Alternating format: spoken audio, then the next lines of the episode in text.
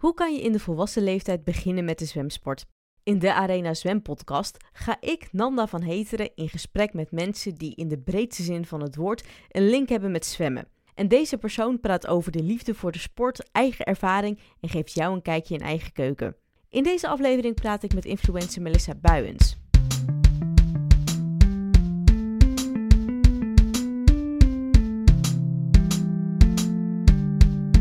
Welkom. Uh, om te beginnen, wat is jouw favoriete arena-attribuut wanneer jij bezig bent met zwemmen en, en waarom? Nou, mijn favoriete arena-attribuut is absoluut de snorkel. Ik ben echt verslaafd aan mijn snorkel, zou ik uh, bijna zeggen. Ik ben denk ik nog nooit gaan zwemmen zonder dat ik mijn snorkel uh, bij heb of nog maar heb gebruikt. Ik, ik leef echt met dat ding. Je zegt het ook met een behoorlijke stelligheid, ja. ja, echt. Um, ik kan goed ademen hoor, dus dat is het eigenlijk gewoon niet. Maar ik vind het gewoon heel fijn zwemmen. Ik vind het rustig. Uh, ik kan me gewoon lekker beter mijn hoofd leegmaken als ik niet de hele tijd mijn hoofd hoef te draaien. Uh, mijn techniek wordt er denk ik beter van. Ja, ik weet niet, ik leef gewoon met die snorkel. Nou, je bent wel echt verknocht. Dat, uh, dat, dat is een ding wat zeker is. Maar goed, gelukkig ja. kan je ook goed, goed zwemmen zonder. En, en, je bent sinds je uh, op je 32e begonnen met zwemmen. Um, wat trok je toen zo aan in deze sport dat je het paardrijden op een laag pitje daarvoor hebt gezet? Ja, ik was uh, inderdaad 32 en toen, nou, ik heb heel mijn leven paard gereden. Alleen, ja, paarden worden ouder natuurlijk en op een gegeven moment gaan ze met pensioen. En mijn paard kwam eigenlijk richting die leeftijd dat hij met pensioen ging. Uh, en wij hadden toen net een tweeling gekregen. Dat wa waren onze tweede en derde kindje, de, de tweeling. En was gewoon een hele drukke tijd. En ik dacht, ik moet echt iets hebben waar ik ook uh, tijd voor mezelf heb. Dat ik niet alleen maar bezig ben met werken en het verzorgen van de kinderen. En zeker zo'n tweeling hakt er echt wel, uh, nou in ieder geval bij ons, best wel in. Dus toen zat ik in bad en toen dacht ik, nou wat kan ik nou eens gaan doen naast het paardrijden, wat toch een beetje aflopende zaak ging worden. Uh, en toen zag ik een filmpje van triathlon en toen dacht ik, nou, dat, uh, dat ga ik doen. Alleen, ik had nog nooit in mijn leven hard gelopen, nog nooit gezwommen en ook nog nooit gefietst. Dus ik begon natuurlijk met uh, hardlopen en ik raakte ontzettend geblesseerd. Alle beginnersfouten heb ik zeker gemaakt. dus toen kon ik niet meer hardlopen en toen heb ik al mijn geld eigenlijk gezet op zwemmen. Toen dacht ik, ja, als ik dan niet kan lopen, dan moet ik gewoon zorgen dat ik een hele goede zwemmer word. Eén, dat is het moeilijkste onderdeel, vind ik altijd leuk. En twee, uh, dan mijn zwemconditie gaat me wel door het hardlopen heen uh, trekken. Dus zo, ja, zo ben ik eigenlijk begonnen voor triathlon, maar dat zwemmen, dat stal mijn hart helemaal. Wat in het zwemmen stal je hart helemaal? Nou, ik vind de, ja, ik zou bijna zeggen de serene rust onder water gewoon even niks. Letterlijk niks. Geen telefoon.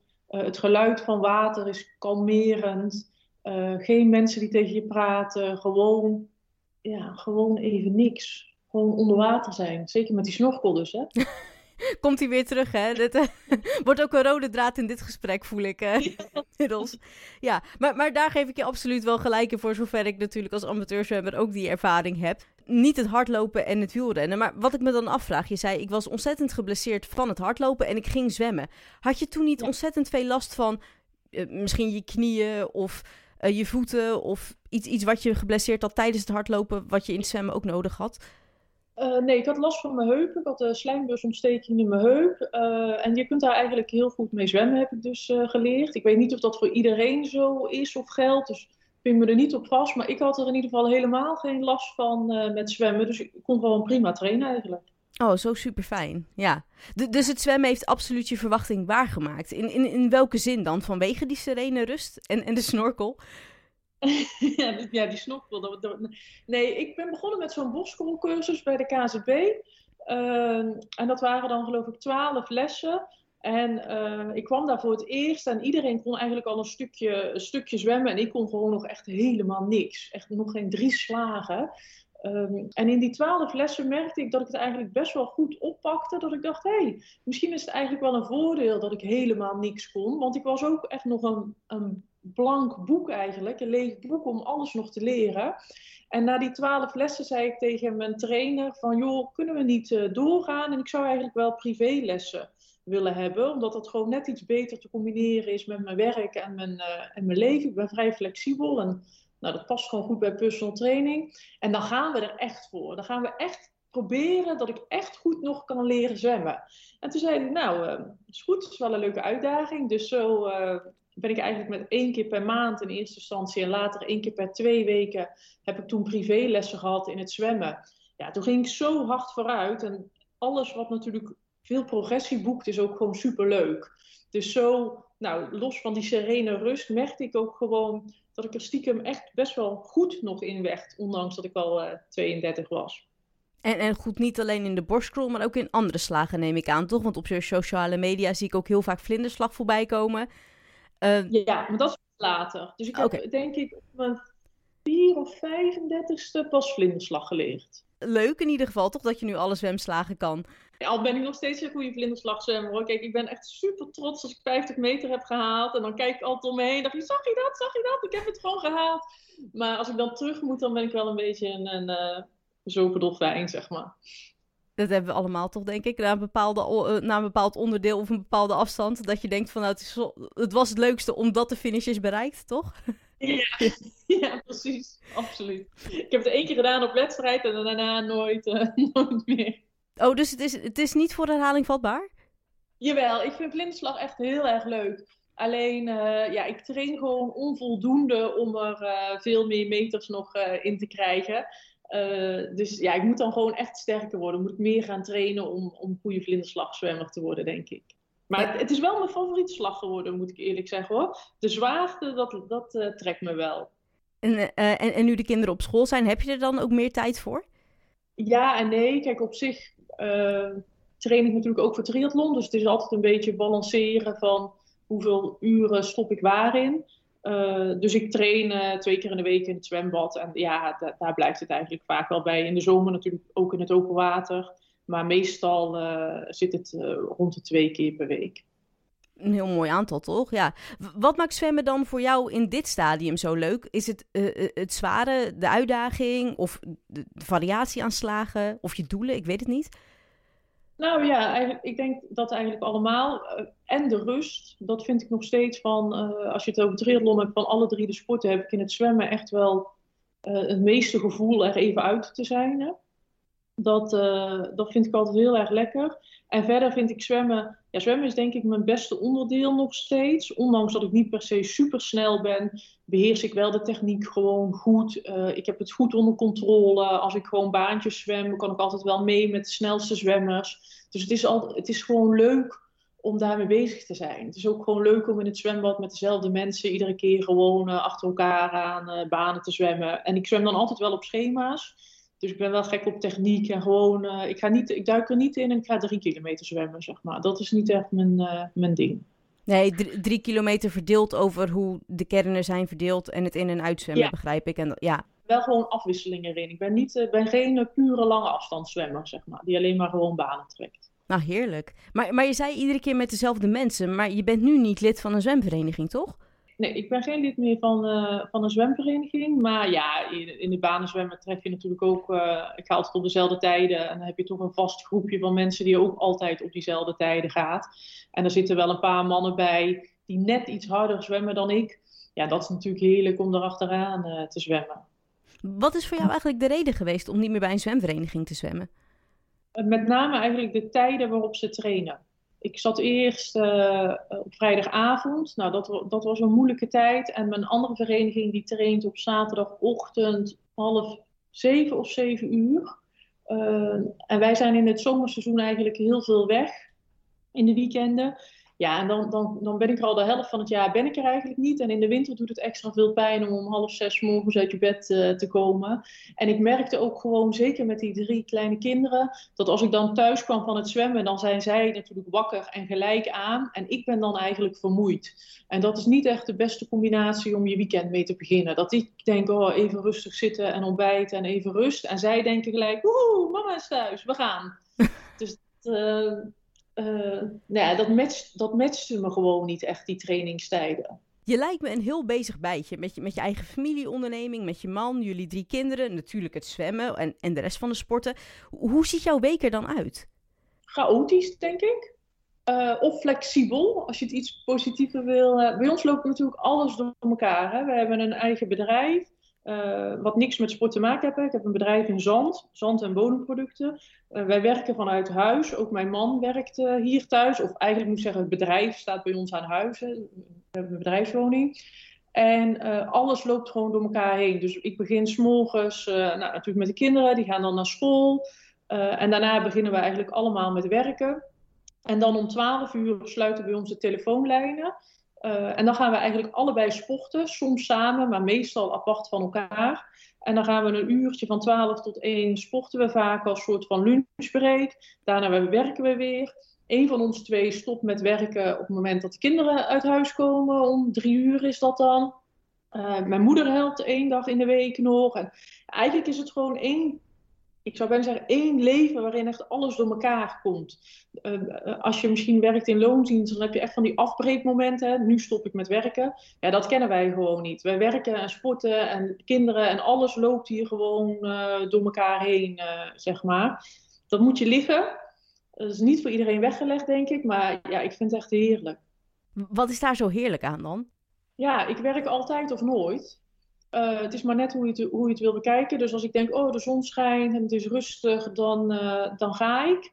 En als ik denk, oh, dit moet ik echt afmaken, dan ga ik niet. Het ligt allemaal gewoon niet zo vast. Hè? Het, is, het is toch een beetje de vrijheid van het leven. Goed, de keerzijde is wel eens dat we alle dagen werken. Hè? Dus ik wil het ook niet romantiseren. Ik werk zeven dagen in de week, 365 dagen per jaar. De laptop gaat altijd mee op vakantie. Ik heb geen zwangerschapsverlof gehad en dergelijke. Dus het is natuurlijk uh, niet alleen maar roze geur en maneschijn. Maar het is wel zo als ik denk, vandaag schijnt de zon en ik heb eigenlijk wel genoeg gewerkt deze week, dat ik gewoon wegga. En dat ik even ga sporten of, of iets voor mezelf ga doen. Dus alles loopt gewoon door elkaar heen. En, en ik heb ook hulp hoor. Ik ben ook geen wonderwoman. Dus we hebben wel iemand voor de huishouding die iedere week uh, een halve dag komt helpen. En mijn moeder ondersteunt nog met de kinderen. En het is echt niet zo dat, we, dat ik zelf alle ballen alleen maar hoog uh, houd. Dan is misschien mijn volgende vraag een beetje overbodig. Maar dat was wel het eerste wat in mij opkwam. Een belangrijkere vraag dan hoe hou je alle ballen, of een deel van die ballen, eh, in de lucht. En zorg je er ook voor dat tijdens je zwemmomenten het ook echt gaat om zwemmen. En niet dat je nog even iets afmaakt voor je werk. Of met je hoofd bij de kinderen zit. Of bij het koken. Of iets anders. Nou, dat valt niet altijd mee. Nee, dat is niet altijd makkelijk. En zwemmen heeft daarin één voordeel ten opzichte van fietsen en hardlopen. En dat is dat het openingstijden kent. Hè. Ik, als ik, wij zwemmen uh, in Dordrecht. En daar is het banenzwemmen van 12 tot 1. Althans, het is op meer tijden, maar dat is dan zeg maar mijn tijd. Als ik er niet om 12 uur ben, ja, dan hoef ik eigenlijk al niet meer te gaan. Want om half 1 hoef je niet in het water te gaan liggen voor een half uurtje vind ik dan zonde van mijn tijd. Dus het is een enorme stok achter de deur. Als ik hier niet om half twaalf achter mijn computer vandaan ga, dan heb ik gewoon mijn moment gemist voor die dag. En in tegenstelling tot fietsen, waarin ik het maar uit blijf stellen en uit blijf stellen, denk ik, ah, ik maak nog even dit af. Oh, dit komt nog. Oh, dit moet ik met zwemmen echt om half twaalf achter mijn computer vandaan uh, lopen. Doe ik dat niet, kans gemist. En die stok achter de deur, die, die helpt wel. Dat vind ik wel fijn, dat ik denk, nu moet, nu moet ik gewoon. Anders blijf ik altijd zitten. Oké, en, en dan ben je dus om half twaalf op maandag weg naar het zwembad. Dan ben je in dat zwembad, neem ik aan, een, een half uur later. Hoe, hoe, focus je dan tijdens het zwemmen op bijvoorbeeld alleen je slag en je ademhaling en het water... en, en niet op alles wat thuisgaande is op dat moment? Uh, nou, dat gaat eigenlijk vanzelf. Ik moet natuurlijk mijn telefoon uh, aan de kant houden, dus dat, dat helpt al. En dan soms dan duik ik er nog in met zeg maar zorgen van thuis. En dan na drie banen weet ik het eigenlijk niet meer. Dus ik, ja, het magische effect van water, denk ik. Ik heb geen idee, maar ik ben het echt zo kwijt. Het klinkt in ieder geval heerlijk, ja. Hoe vond je het om als volwassene te beginnen met een voor jou nieuwe sport eigenlijk? Ja, best wel moeilijk. Ik vond het best wel moeilijk. Ik vond, uh, ik vond het ook moeilijk om in het begin mijn weg te vinden in de zwemwereld. Uh, naar mijn idee was het toch wel een vrij gesloten wereld. Uh, trainers vinden die uh, volwassenen personal training geven, is lastig. Als je in de fitnesswereld kijkt, nou, dan barst het van de personal trainers. Maar in het zwemmen kon ik ze eigenlijk niet zo makkelijk vinden. Zeker als je je weg niet weet. Uh, wedstrijden zwemmen is natuurlijk vrij gesloten. En nu ik geen lid meer ben van een vereniging, kan ik geen wedstrijden meer zwemmen. Dus ik vond het echt wel moeilijk om in het begin mijn weg te vinden in het zwembad. En wat lastig is of uitdagender is bij een zwemvereniging, zwemmen heel veel zwemmers die al van jongs af aan zwemmen. Ja, ik met mijn uh, toen 32 of 33 kan dat gewoon niet bijhouden. Hè? Ik kom toch gewoon uh, 25 jaar ervaring tekort. Dus als ik op mijn aller, aller, aller snelst zwem, ja, is dat uh, voor jou vaak nog maar inzwemmen. Dus dat, nou, dat vond ik echt wel uitdagend. En in die zin past het banen zwemmen me wel iets beter, omdat daar het niveau gewoon wat lager ligt. Maar hoe heb je het dan in al die tijd bij een vereniging wel gered? Ja, goede vraag. nee, dat ging, uh, dat ging hartstikke goed natuurlijk. Dus iedereen houdt daar gewoon rekening mee. Je bent met elkaar en je deelt de liefde voor het sport. En uh, je vertrekt misschien wat later of je doet af en toe eens een keer een setje minder. Omdat je net even wat uh, langer de tijd nodig hebt om uit te huigen aan de kant. Ik heb het nooit echt als een beperking ervaren. Uh, maar ja, ik had natuurlijk wel graag ook iets sneller geweest. Maar goed, ja, je komt gewoon 25 jaar ervaring tekort. Je kan niet verwachten dat je op je 32e nog het niveau bereikt van iemand die al 20 jaar zwemt. Dat is denk ik uh, onrealistisch. Maar dat werd toch ook niet van je verwacht, mag ik hopen? nee, nee, nee, wat verwacht ik dan? Dat zou ik dan zelf wel weer leuk vinden. Oh, op die manier. Ja, nou, je, we hebben het eigenlijk al kort besproken. Hè? In zwem heb je al meerdere ervaringen opgedaan. Uh, je hebt gezongen bij de Papendrechtse Zwemvereniging ZV de Gul. Uh, zwem- en polovereniging ZPC Hieronymus uit Ro Roosendaal. Daar heb je ook gezongen. Uh, je hebt meerdere keren op een NK Masters gestaan. daar heb je ook twee keer estafette brons geworden, gewonnen. En, en je was ook bezig met de Arena Triathlon Zwemseries. waarin merk je allemaal dat je in het zwemmen bent gegroeid? En, en, en hoe merk je dat dan? Nou, op een gegeven moment dan, los van dat ik natuurlijk gewoon technisch een betere zwemmer word, uh, merkte ik ook, nou, je leert je weg kennen natuurlijk. Hè? Mm-hmm. uh, op een gegeven moment weet je waar de trainers zitten, of waar de verenigingen zitten, of je gaat begrijpen hoe dat masterzwemmen in elkaar zit. En ik merkte ook gewoon dat ik niet de enige volwassene was die aan het stoeien was met die zwemsport. Sterker nog, ik denk als je in de triathlonsport kijkt, dan vinden de meeste triatleten zwemmen het moeilijkste onderdeel. Zowel in techniek uh, als uh, gewoon de juiste vorm daarin vinden. Dus eigenlijk merkte ik al wel snel dat ik dacht, hé, hey, dat is een, een interessante doelgroep. Want ik ben niet alleen die zo aan het stoeien is uh, met het zwemmen. En er zijn eigenlijk maar relatief weinig uh, mensen die op latere leeftijd leren zwemmen, die nog instromen in de, in de zwemverenigingen. Uh, dus eigenlijk dacht ik, joh, daar, daar moet ik iets mee. Ik moet eigenlijk kijken of ik die mensen op een of andere manier wat beter kan informeren of nou, kan helpen met wat zaken zonder zelf zwemtrainer te worden. Want dat is niet, dat is niet mijn ambitie. Maar eigenlijk om meer de, de kennis van nou, andere zwemmers of wel van zwemtrainers samen te brengen en daar iets mee, uh, iets mee te doen. En deels misschien ook als ervaringsdeskundige. Ja, dat denk ik wel. Dat denk ik wel. Kijk, ik heb natuurlijk diezelfde stappen gelopen. En heel vaak als mensen mij zien zwemmen, dan denken ze dat ik al uh, nou, ook heel mijn leven zwem. En als ik dan vertel dat ik eigenlijk pas een paar jaar zwem, drie, dan uh, nou, staan ze altijd enorm verbaasd. Maar goed, daar heb ik wel, heb ik wel flink in moeten investeren. Hè? Dat ze me niet aankomen waaien. Nee, nee, nee, dat heb je natuurlijk ook net eerder allemaal, allemaal uitgelegd en, en verteld. Maar, maar hoe help jij die mensen? Is dat allemaal via je sociale media? Ja, eigenlijk, ik heb een, een blog, zwemblog.com. Uh, dat is eigenlijk het grootste kanaal. Daar komen ongeveer 25.000 bezoekers per maand op.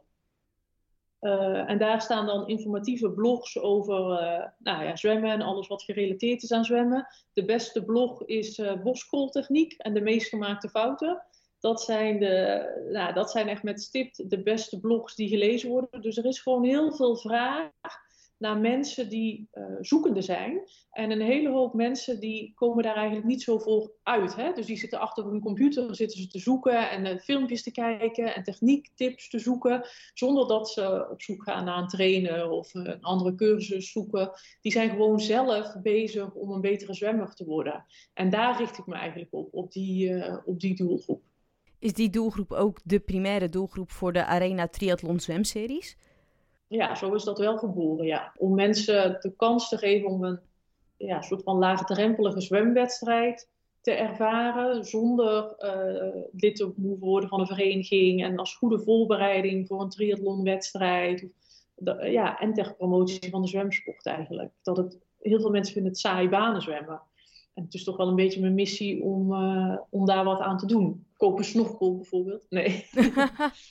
als je ziet hoe weinig mensen hulpmiddelen bij hebben, los van of het nou een snorkel is, het, het kan het zwemmen zoveel uitdagender maken door wat af te wisselen. Zoveel mensen springen erin en proberen zoveel mogelijk baantjes te zwemmen en dan hopen ze maar dat het iedere keer net wat beter of sneller gaat. Maar zo pak je het hardlopen ook niet aan. Hè? Daar zit ook heel veel techniek en oefeningen bij en afwisseling. En, uh, nou, ik denk dat daar in het zwemmen echt nog wel veel slagen te maken zijn, letterlijk, om, er, om dat wat meer bekendheid te geven. Ja, dat, dat denk ik ook als ik je zo eens hoor. Um, nou, terugkomend op die Arena Triathlon zwemseries. Uh, die stonden in eerste instantie gepland voor februari 2022. En door de coronapandemie konden die toen niet doorgaan. Uh, heb je misschien al middels meer zicht op of dat, ze nog komen? En zo ja, wanneer? En... Nee, vooralsnog uh, staat alles on hold. en dat heeft de belangrijkste reden dat ik bij eigenlijk heel veel evenementen zie je over de hele linie, ongeacht of het nou zwemsport is, of de triathlonsport, of de paardensport, dat het enorm terugloopt in het aantal deelnemers. En dat organisaties het heel erg lastig hebben om zowel deelnemers als vrijwilligers rond te krijgen. En in die onzekere tijd heb ik gewoon niet het idee dat het nu mijn moment is om een nieuw concept te lanceren.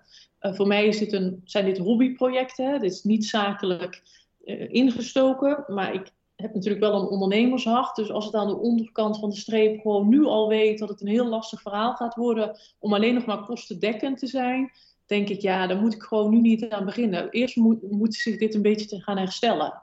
De, de, sporteconomie zou ik bijna zeggen. Dus dat er meer sporters komen, dat vrijwilligers weer een beetje uh, erbij betrokken worden en dat we gewoon ook in andere evenementen zien dat het allemaal weer wat groeit.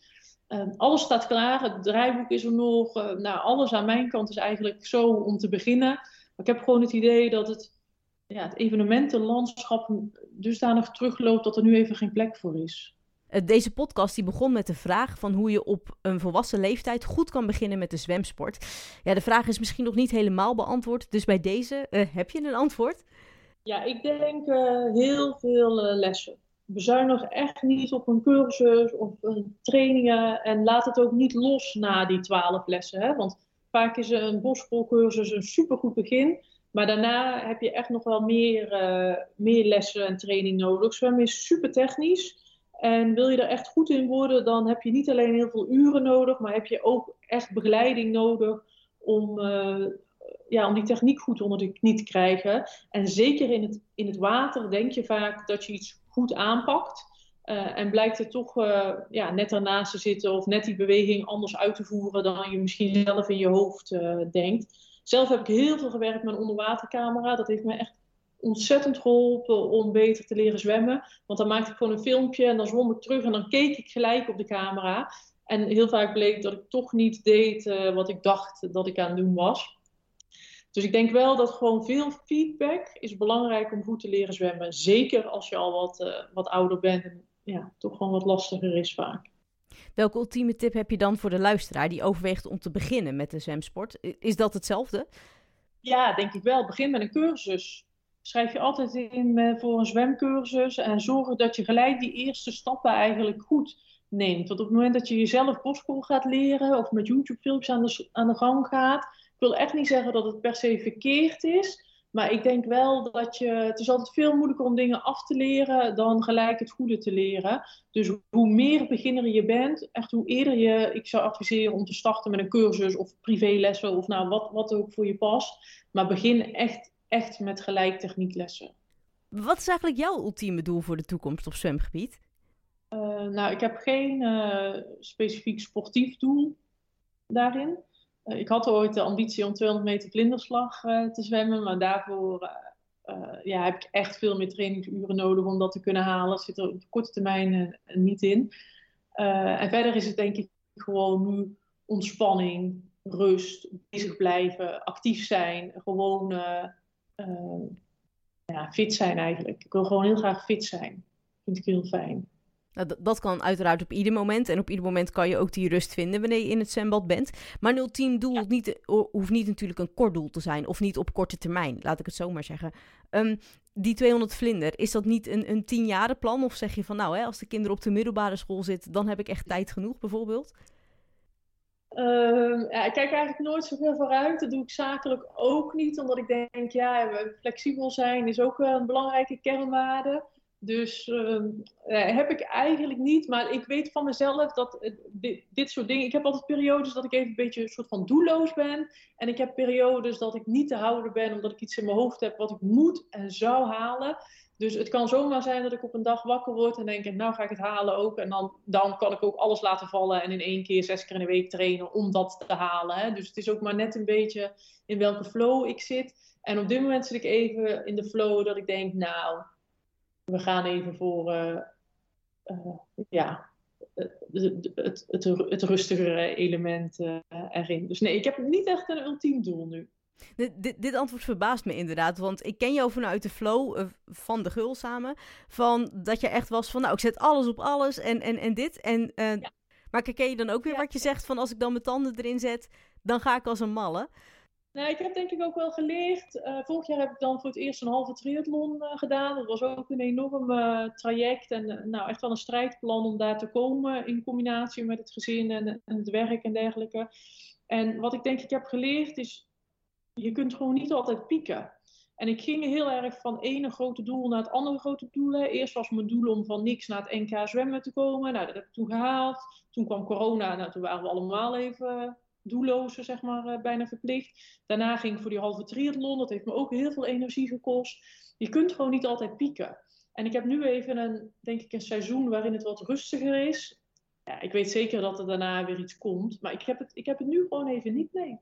Maar het hoeft ook niet. Als ik, je, als ik je zo hoor en je bent nog aan het herstellen van je vorige doelen, dan hoeft het natuurlijk ook niet. Maar is het wel heel fijn dat je het zwemmen bijhoudt en daar nog steeds op een andere manier plezier uit haalt want mocht je dan in één keer wakker worden hè, met bijvoorbeeld die 200 vlinder, om hem toch maar even te noemen, um, dan heb je ook een veel beter basisniveau, denk ik.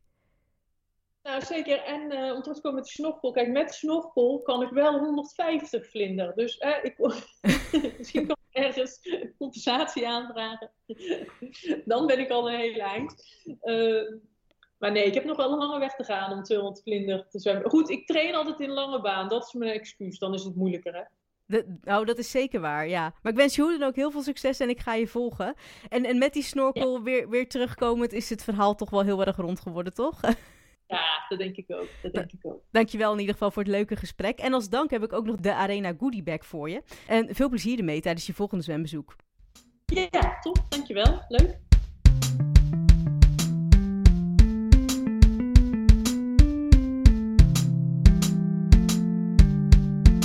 Bedankt voor het luisteren naar de Arena Zwem podcast. Wil je geen aflevering missen? Ga dan naar je favoriete podcast app om de verhalen te luisteren en abonneer je.